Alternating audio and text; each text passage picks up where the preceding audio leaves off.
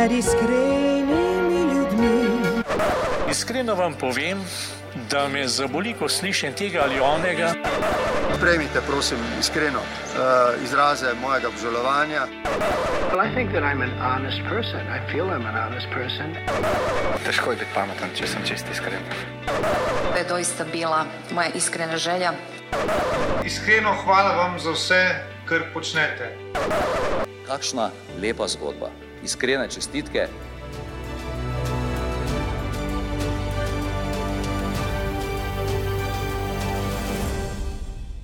Drage poslušalke in spoštovani poslušalci, prisrčno dobrodošli v novi oddaji najbolj iskrenega podcasta. Podcasta, kjer ne ustvarjamo mnen, ampak skušamo spremeniti kakšno srce. Moje ime je Dušan Poslek in danes v naši oddaji se oziramo na eno izmed področji, katerega je kriza s COVID-19 potisnila na površje in pokazala marsikatero težavo, s katero se to področje ukvarja. Govorim seveda o področju otroške psihiatrije ali pedopsihiatrije. In res je, ne, da kriza s COVID-19 teh težav ni na novo ustvarila, je pa problematiko duševnih motenj pri otrocih in mladostnikih popolnoma razgalila, ob tem, da smo lahko zasledili podatke, da se te težave v zadnjih 20 letih narasle za več kot 60%. Zato v današnji oddaji pozdravljam vodjo službe za otroško psihiatrijo v UKC Ljubljana, dr. Marijo Anderluh. Pozdravljeni. Dobar dan. V zadnjih mesecih medijske zapise polnijo zaskrbljujoči podatki o porastu težav otrok in mladostnikov na različnih področjih, med najbolj izpostavljenimi pa je porast primerov, ki napolnjujejo pedopsihiatrične oddelke. Povejte, kakšno je trenutno stanje pri vas? Ja, ta trenutek uh, so se stvari rahlo umirile. Uh, to je tudi pričakovano, ker na en način počitnice prinesejo en oddih in naše službe večinoma dihajo tako s šolskim letom in obremenitvami otrok. Um, je bil pa uh, konec tega šolskega leta uh, težak, uh, zelo se je povečalo število otrok, ki so iskali pomoč uh, zaradi nastajajočih ali pa že kar razvitih težav v duševnem zdravju. In uh, skrbi nas seveda tudi september in nadaljevanje potem naslednjega šolskega leta. Dejali ste, da se število otrok s temi težavami izrazito poveča v času šolskega uh, pouka. Kje pa še ležijo razlogi, da se je v zadnjem obdobju tako zelo povečalo število otrok, ki jih vi obravnavate s takšnimi težavami? Ja, na en način se uh, duševno zdravje otrok slabša že kar nekaj let.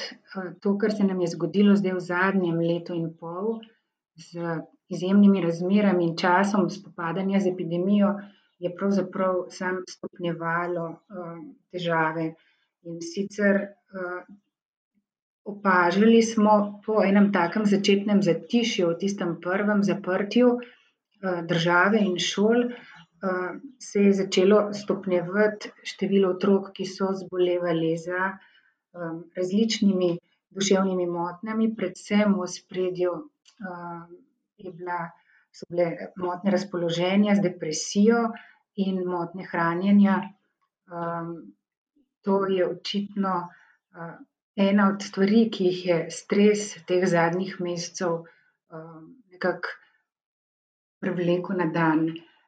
Stres čutimo vsi starejši, kot mladi, kot otroci. In je najverjetneje povezano z vsemi spremembami, ki so se dogajale zdaj v tem letu.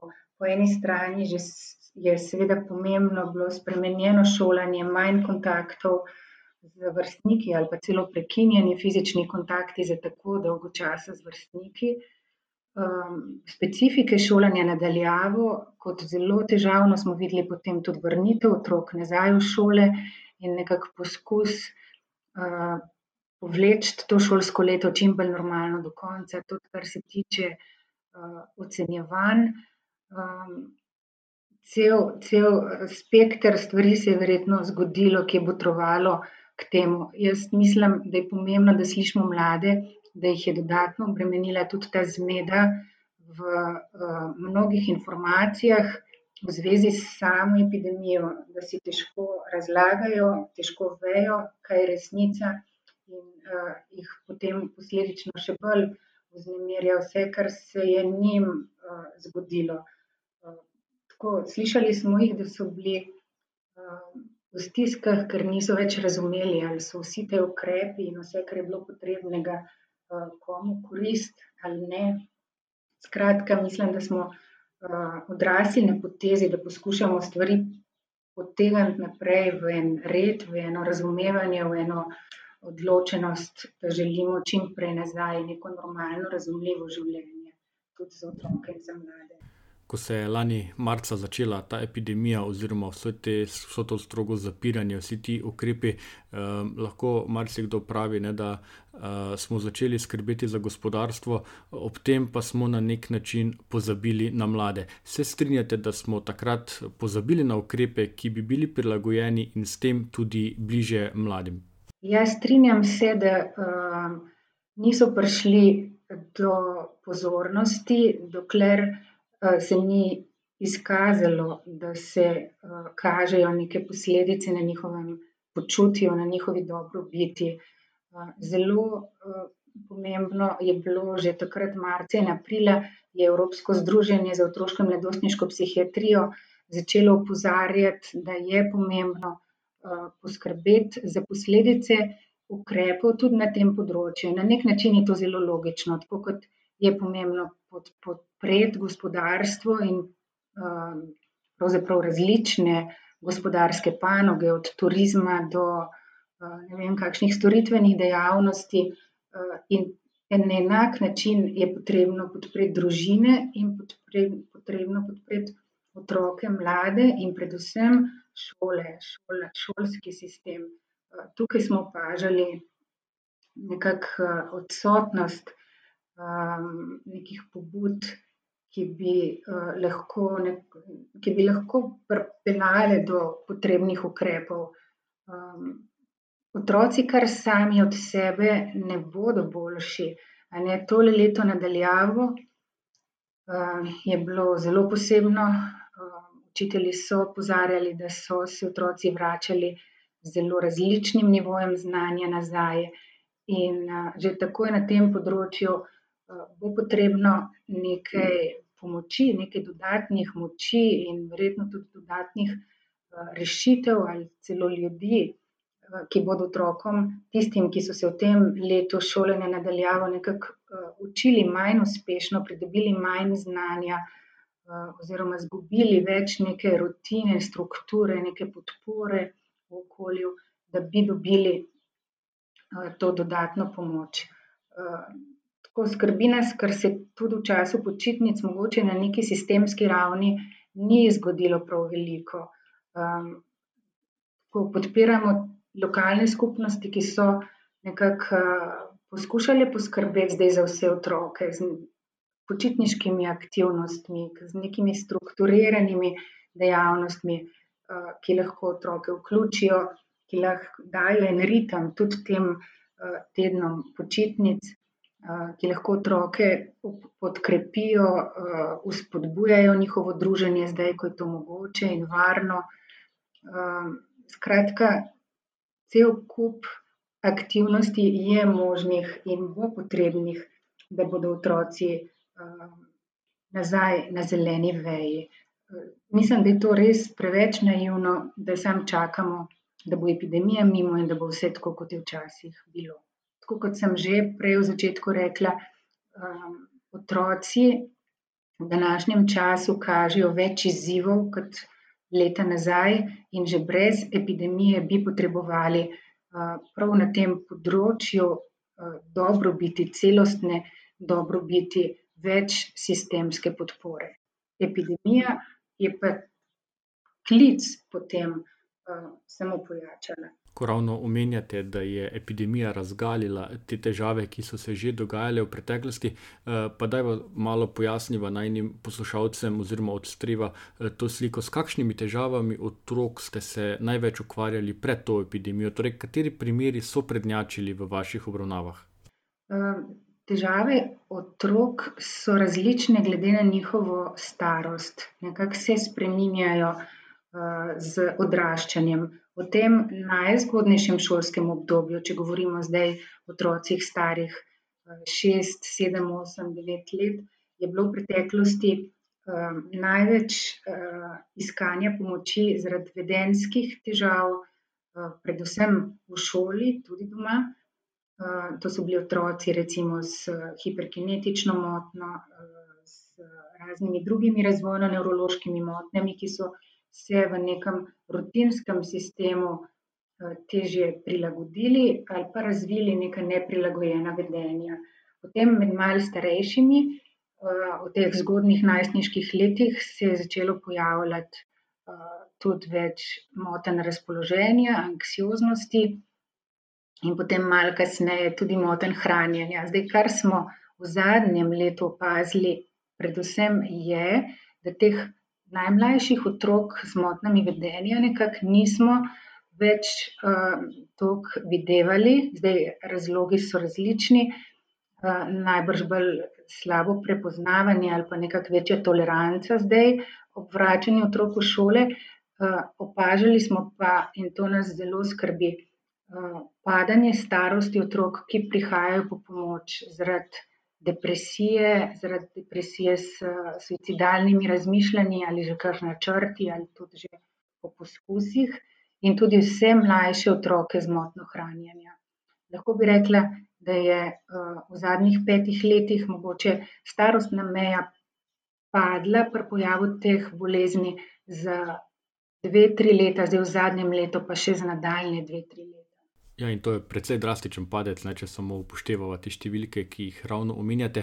Nekaj ste že dejali okoli okoliščin, ki pripeljejo do teh razmer, me pa zanima še tole, ali lahko ocenite, da obstaja oziroma ali obstaja neka neposredna povezava med družinskimi razmerami, na primer finančno stanje, odnosi in podobno, in pa pojavom teh težav pri otrocih? ja, velik del teh motenj ima cel skupek dejavnikov tveganja, da se razvijajo. En del je v otroku samem in je neka nagnjenost v njem, ki se lahko kaže kot razvojno-nevrološke motnje, en del prihaja iz okolja in tukaj je seveda družina en pomemben dejavnik.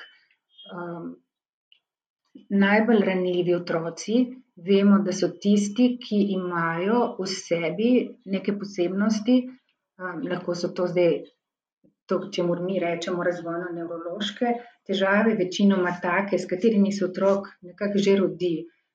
Bolj težaven temperament, večja eksplozivnost, slabša čustvena regulacija ali pa kar neke konkretne motnje, kot hiperkinetična motnja ali pa avtistične motnje. Se pravi, to je nekaj, kar prinese otrok na svet, drugi del je pa tisti, ki ga prinese stres v okolju.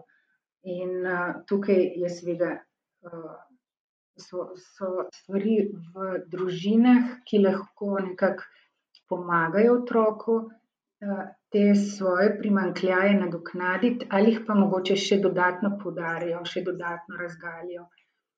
Veliko teh otrok prihaja iz družin, ki same, mogoče staršev, ki sami niso imeli nekih zelo močnih podpornih okolij, ko so bili sami otroci. In v tem kontekstu tudi težje nekako pomagajo pol svojim otrokom.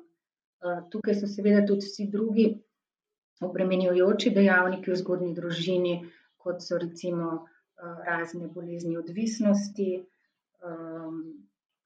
recimo življenje s v družini z nekimi stalnimi konflikti, nesoglasji ali pa življenje s staršem s kronično boleznijo ali s z duševno boleznijo. Vsi ti dejavniki nekako družino ovirajo pri tem, da bi lahko poskrbela za otroke. Pomemben dejavnik tveganja so seveda tudi finančne težave in neko tako deprivilegirano socialno okolje.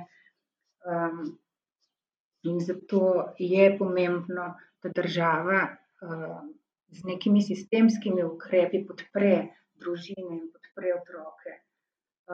Potem so pa dejavniki okolja seveda vezani tudi na šolo, na vrstniško okolje. zelo dobro se zavedamo, kako pomembni stresi so vrstniško nasilje in kako dolgotrajne posledice imajo lahko na življenje posameznika.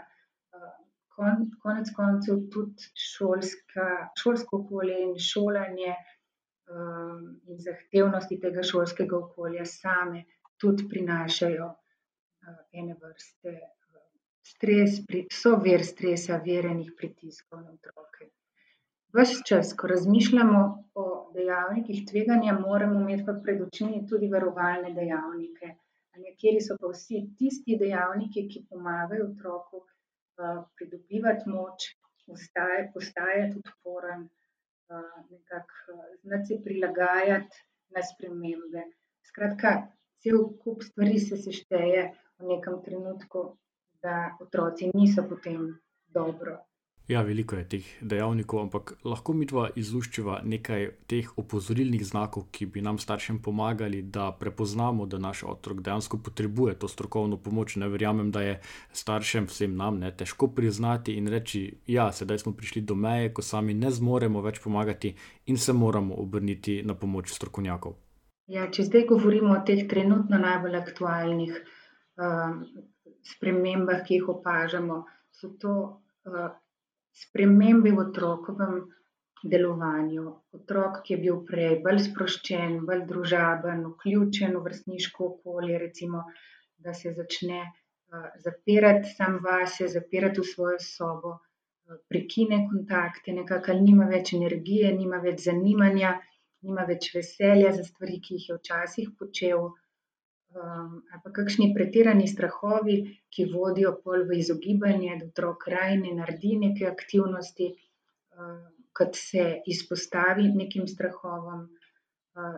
če govorimo o motnjah hranjenja, tudi tukaj je pomembno mogoče, da starši prepoznajo, težave takrat, ke sploh zdaj v času počitnic se nekako večkrat lažje to opazi, ker je več skupnih obrokov, več nekih trenutkov, ko družina, ima možnost biti skupaj, kjer lahko, starši sami ocenijo recimo, so nastopile neke težave ali so neki nepojasnjeni razlogi ali pa nelogični razlogi, zakaj otrok, recimo se ne prehranjuje tako, kot bi starši mislili, da je prav.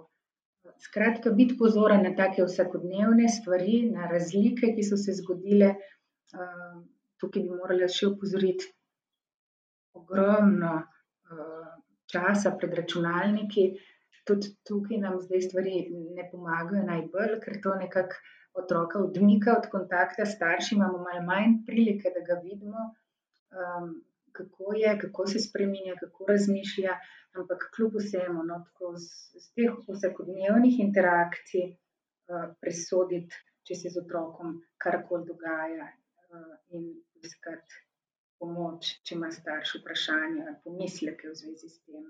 sedaj med počitnicami, ne, kot tudi sami pravite, je precej več stikov v tem ožjem družinskem krogu, v času šolskega pouka pa veliko težav opazijo bodisi učitelji in vzgojitelji. Kako pa naj oni, prvič, pristopijo do otroka, ko opazijo, da ima težave, ki jih sami ne more nasloviti, in drugič, tudi do staršev, in jih seznaniti, da njihov otrok pa potrebuje drugačno strokovno pomoč? Učitelji so res zelo pomembni odrasli v tem, času odraščanja, in so lahko staršem v pomoč, ker so seveda, lahko vidijo otroka še v nekem drugem okolju. in enako so lahko pozorni na spremembe, na spremembe v stikih z druženji, na odzivanju, na vključevanju, otrok, ki se začne mogoče bolj odmikati, ali pa ki se spreminja v smislu, da je bolj zaprt vase, bolj plašen, težje, nekako, se izpostavi, prosi za pomoč. En cel del otrok ima težave na tak način, da okolice ne motijo, in prav na tiste, si želimo, da so učitelji posebej pozorni. tisti otroci, ki so preveč živahni, ki so moteči, tiste učitelji zelo, dobro prepoznavajo in hitreje usmerjajo v pomoč. Tiste otroke, ki so pa mogoče bolj tesnobni, zaprti vase, odmaknjeni, tam Se pa včasih res zgodi, da bi si želeli, da so učitelji nekako bolj pozorni in da hitreje opozorijo starše ali pa poskušajo z otrokom vzpostaviti en osebni kontakt in, in mu dati možnost, da mogoče pove, o čem razmišlja, kaj se mu dogaja, kako se počuti ko se pogovarjava o tej pedopsihiatrični obravnavi otrok, je zagotovo večina pozornosti namenjena sami obravnavi otrok, ampak kako se pa vi v teh obravnavah posvečate tudi delu z, s starši, ne? da tudi njih pripravite na ustrezen odnos in da se bodo znali tako le. V narekovajih rečeno, soočiti z otrokom, ki potrebuje to dodatno pomoč. Ja, pravzaprav je to uh, naše vsakodnevno delo. Uh, starši so tisti, ki so z otrokom večino časa, tako da vse spremembe, ki jih uspejo starši unesti v to okolje, so veliko bolj zdravilne kot to, kar počne en strokovnjak, recimo eno uro na teden z otrokom. Zato se po pravilu zelo veliko pogovarjamo skupaj s starši, lahko skupaj z otrokom, lahko posebej.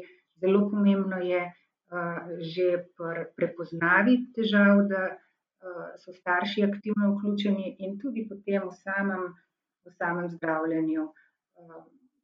Veliko krat rečemo, ni krivda družine za težave, ampak družina pa je tista, ki ima ključ do zdravja. In zato je to naše skupno sodelovanje ključno. Mogoče bo tole vprašanje eh, rahlo nehvaležno, ampak eh, vseeno, sami ste omenjali, da po počitnicah nas čaka novo šolsko leto, glede na trenutno situacijo in epidemiološke razmere, dejansko ne vemo, kaj nas čaka v novem šolskem letu, ampak vseeno lahko dava kakšen nasvet, kako lahko vsi mi pomagamo, s kakšnimi ukrepi uh, stojimo ob strani našim otrokom in tako dejansko poskrbimo, da jim tudi mi na nek način pomagamo, da bodo čutili čim manj stisk. Ja, prvi ukrep je gotovo cepljenje, da tudi sami in v svojih okoljih nekako pomagamo razmišljati, da je to prva varovalna stvar, ki jo lahko odrasli naredimo, da se slučajno ne ponovi situacija z zapiranjem šol. Druga stvar je pa poskušati ohranjati en tak vsakodnevni, če tudi kratek, konstanten stik svojim otrokom. Poskušati um, najti deset minut časa dnevno, uh, gojiti kulturo nekega zbiranja družine, ali to je en skupen obrok, uh, nekaterim družinam uspe več skupnih obrokov. Um, ali, ali je to kakšna skupna dejavnost, ki jo starš najde z vsakim uh, od svojih otrok. Govorim o mogoče desetminutnih skupnih aktivnostih na dan. Že to študije kažejo, da je varovalno in da lahko na otroke in odnose, krepi odnose otrokov s starši. In tisti starši, ki uspejo ohranjati z odraščajočimi otroki tak vsakodneven odnos, bodo hitreje prepoznali in tudi otroci se bodo na en način lažje na nje obrnili, kadar bodo imeli, imeli težave ko zelo spodbujamo, mogoče zdaj prav v tem počitniškem času, ker nam je samo življenje malo bolj naklonjeno, da najdemo več časa za, za svoje otroke, za vsakega od svojih otrokov in da poskušamo, otrok, pardon, in da poskušamo potem uh, z prihajanjem normalnega letnega tempa vsaj en del teh stikov ohranjati. Prav zanimivo je, se sliši tako preprosto, ampak kako težko je potem to v življenju realizirati.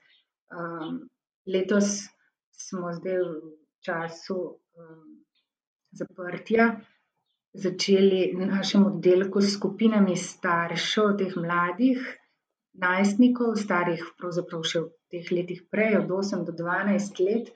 Uh, in praktično cel kup staršev je imel res velike izzive najti nek razlog za desetminutno druženje s svojim otrokom. Tako se nam zdi včasih res to samoumevno, pa ni. Čas počitnice je gotovo res temu namenjen, da malo se bolj spoznamo, da bolj vidimo, kaj trenutno otroka zanima, kaj lahko skupaj počnemo, najdemo neke skupne skupne točke, skupne aktivnosti, to, to je gradnja res zdravih odnosov potem za prihodnost. Ko se je pojavila ta epidemija, ne, smo se starši dejansko soočili tudi s tem, koliko in na kakšen način otroke sploh obremenjevati s to novo situacijo, torej koliko jim naložiti o tem, zakaj so potrebni ti ukrepi. In me zanima, kaj vi menite, koliko naj starši obremenjujemo eh, naše eh, otroke okoli celotne situacije, okoli ukrepov, okoli nošenja mask in podobno. Nekaj te vemo, z vsakim takim razlaganjem jih, jim lahko eh, naložimo še dodatno breme in še dodatno stisko. Ja, to počutje otrok glede uh, same situacije je zelo odvisno od počutja njihovih staršev. Če starš nekako uh, lahko razume in en razumen način, uh, pomirjen način o tem razmišlja, potem bo uh, tako mnenje lažje uh, delil tudi njegov otrok. Zato mislimo, da uh, tukaj. Preveč nalagati na otroke nima smisla. Pomembno je, da razumejo, pomembno je, da razumejo pomen ukrepov. Zato se nam je zdelo vse čas tako pomembno, da družba cela nekako poskuša sodelovati, um, da bodo otroci lažje našli neko svoje videnje stvari. Uh, tam, kjer stvari razumemo, tudi veliko lažje zdržimo, lažje premagamo. Tudi če čutimo, da je to nek skupen angažma in da smo se vsi znašli zdaj v tej isti situaciji, pravzaprav niti ne samo naša država, ampak cel svet, je lahko tudi to en tak dober občutek povezanosti, da lahko skupaj, samo skupaj eno stvar rešimo. Jaz mislim, da je ta pristop in to, ta način razlage lahko otrokom v korist, da, da bodo razumeli, kako je danes svet povezan, kako smo soodvisni drug od drugega in kako lahko skupaj naredimo uh, potrebno dobro, da se stvari končajo. Pomembno je neko pomirjujoče stališče in seveda realno uh, imeti tudi do otrok, glede na njihovo starost, seveda, ampak veliko je odvisno od tega, koliko mira lahko v dani situaciji najdemo starši sami. Tudi če starši skušamo biti mirni in otrokom prikazovati realno stanje, pa si dejansko ne moremo zatiskati oči, ne, da imajo na otroke, predvsem na najstnike, eh, velik vpliv tudi socialna omrežja. Kakšen je vaš predlog, kako naj starši otrokom pokažemo, da so na družbenih omrežjih pogosto ali pa prepogosto predstavljena le mnenja, ki so potisnjena v eno ali v drugo skrajnost, v resnici oziroma v večini primerov pa niso odraz realnega stanja? Spet bom rekla pogovor in še enkrat pogovor, izražanje nekih naših lastnih stališč. To je to, kar lahko eh, v dani situaciji največ naredi Potem pa seveda tudi razvijanje nekega kritičnega razmišljanja do uh, socialnih omrežij in do informacij, ki so danes na razpolago. Tukaj uh, mislim, da pa staršem mora in uh, lahko pomaga tudi šola. Pa se vam zdi, da vsa ta družbena omrežja, ne, ki v zadnjih letih tudi oblikujejo pogled naših otrok na svet, se vam zdi, da pretirana uporaba teh družbenih omrežij tudi povzroča povečano število obravnav pri vas? Ne vemo, da se otroci na spletu najdejo obilo nekih navideznih in tudi nerealnih standardov, pa naj se bo okoli oblačenja, izgleda, prehrane in podobno, in tem standardom želijo slediti, obenem pa jih to ponovno in še dodatno potiska v neko stisko. Ja, žal je to verjetno tudi del odgovora, zakaj uh, se počutje duševno zdravje otrok slabše v zadnjih letih. Dejstvo je, da je uh, veliko več informacij dosegljivo, in uh, to, kar raziskave kažejo, je tudi, da otroci, ki so nekako bolj ranljivi, ki imajo že neke predhodne težave, iščejo nekako bolj tvegane spletne vsebine kot zdravi otroci. Skratka, da otroci uporabljajo splet na različne načine. Nekateri res poberajo najmočnejše točke, postane jim splet ver informacij, socialna druženja, nekak način za širjenje neke zdrave socialne mreže. Del otrok, ali pa kar ena pomembna, velika skupina otrok, pa išče na spletu veliko krat odgovore na svoje stiske, na svoje vprašanja, in žal se seveda začne odpirati potem svet, ki veliko krat še poglablja te njihove stiske, jih ne rešuje, ampak jih poglablja. Ja, tudi tukaj pomeni več izobraževanja, več pogovarjanja. Tako nekako fino je, da starši sprašujemo, da sledimo, na katerih omrežjih je, katere stvari otroka zanimajo, po kakšnih vsebinah brska, do česa je prišel, kaj ga je zaskrbelo. Predvsem pa starševski nadzor glede na njihova leta. Letos smo, pravzaprav so primarni pediatri s sodelovanjem pol še drugih strokovnjakov izdali priporočila glede uporabe zaslonov, ke so dostopne tudi na spletnih straneh in jih priporočamo, da jih starši pogledajo, predvsem glede vsebine, tudi glede časa uporabe, ampak predvsem glede vsebine. En del je tukaj moč narediti z nekimi varovalkami in aplikacijami, en velik del pomeni pa več pogovora o tem, kaj otroci berejo, o čem hlepijo, kaj jih zanima. Ja, in ob tem naj dodam, da v Zavodu Iskreni pripravljamo nov sklop, predavanj, ki bodo povezana s spremenjeno realnostjo pri pretirani uporabi tehnologij, tako pri otrocih kot seveda tudi pri vseh nas ostalih. Te video vsebine oziroma ta predavanja bodo kmalu objavljena na portalu iskreni pika net in vas, drage poslušalke in poslušalci, vabim, da spremljate, naš portal in te vsebine, tudi pogledate. Veliko koristnega, veliko zanimivega in veliko poučnega boste lahko tam, izvedeli. Me pa še tole zanima, veliko sva govorila o tem, kaj lahko starši naredimo, da pomagamo svojim otrokom. Kaj pa si vi kot zdravnica, kot strokovnjakinja želite na primer od države, da boste vi še lažje pristopali k otrokom in jim tudi tako še lažje pomagali? Ja, jaz mislim, da je treba prisluhniti strokovnjakom v šolah, ravnateljem, šolskim svetovalnim delavcem, tudi učiteljem. In najprej, prisluhniti, potrebam, ki jih izražajo. To, kar je, kar sem jaz razumela zdaj v zadnjih mesecih, je bilo zelo konkretno, da potrebujejo dodatne pomoči, da potrebujejo dodatne strokovnjake oziroma da je potrebno razbremeniti, šolske svetovalne delavce, mogoče z vsebinami, ki jih lahko prevzame kdo drug, da bodo res na razpolago otrokom. Jaz kot zdravnica bi si želela, da bi, država podprla skrb za celostno dobrobit otrok, tako na nekem konceptualnem nivoju kot s konkretnimi aktivnostmi. In, najprej, v šolah.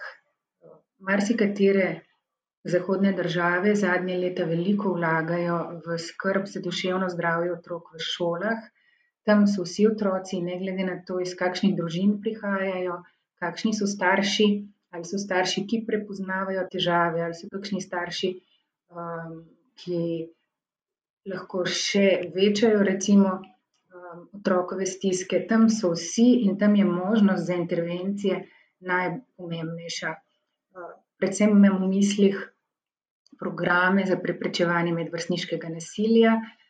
nekatere šole v Sloveniji to imajo, ampak vidim, da v svetu, veliko pogumneje in res s preverjenimi programi vstopajo na to polje in poskušajo pomagati, dodatno otroke učiti nekih medsebojnih, komunikacij, prepoznave recimo napačnih komunikacij in tudi zaščite šibkejših otrok. Mnoge vsebine bi bilo smiselno, postaviti v šolski kurikulum, dati učiteljem dodatna znanja. Mi na Pediatrični kliniki smo začeli podpirati učitelje s programom Neverjetna leta, ki so zelo hvaležni za to, in želimo si, da bi država to, podprla kot enega od možnih programov, v korist otrok. obstajajo seveda še drugi, ki so lahko koristni za učitelje in za otroke. učiteljem ni lahko, ne, tudi njihove, situacije so zahtevne, in potrebujejo in želijo si dodatne podpore, dodatnega znanja, povezovanja, medsebojne pomoči. In programi, ki to omogočajo, jim res lahko pomagajo, učinkovito in nekako bolj zadovoljujoče opravljati svoje delo. Zdaj, kar se pa tiče na področju zdravstva, si pa želimo predvsem, da najdemo uh, način, kako bodo naše službe postale bolj dostopne. Trenutno se večina služb sooča z zelo dolgimi čakalnimi dobami, kar se meni osebno zdi nedopustno in nujno je, da najdemo, najdemo skupaj odgovor, kako bomo ta problem rešili. Otrok s težavami ali pa družina s težavami mora dobiti pomoč takoj in mora dobiti uh, zaston pomoč takoj. Tako kot če zdravimo katero koli drugo bolezen, uh, tako mislim, da je potrebno obravnavati tudi uh, vse težave na področju počutja, vedenja in, in drugih aspektov duševnega zdravja. Doktor Marija Andreluh, s tem pozivom Eh, ko pravite, da je potrebno celostno nagovarjati to problematiko, se vam pridružujem in obenem vas, dragi poslušalci in drage poslušalke, pozivam, da vkolikor opazite, da potrebujete pomoč pri težavah z vašimi otroki, da se obrnete tudi na naš zavod. Povezali vas bomo z našimi terapeuti in vam zagotovo pomagali, da najdete ustrezno pomoč, seveda vse z namenom, da se vsem, ki se znajdejo v stiski, čim prej in tudi ustrezno uh, pomaga. Uh, vam, dr. Marija Anderluh, pa se res zahvaljujem za sodelovanje v tem podkastu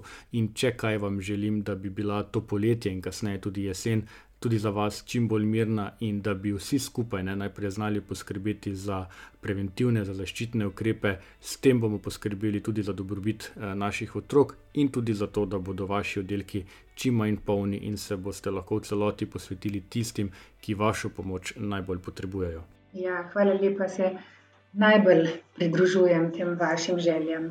Tako tudi vam, drage poslušalke in spoštovani poslušalci, se zahvaljujem za pozornost. Seveda, če želite temu podkastu ali kateremu izmed preteklih podkastov še enkrat prisluhniti, vas povabim, da jih poiščete v vaši knjižnici za uh, podkaste. Mi pa se slišimo naslednjič v naslednji oddaji najbolj iskrenega podcasta. Nasvidenje.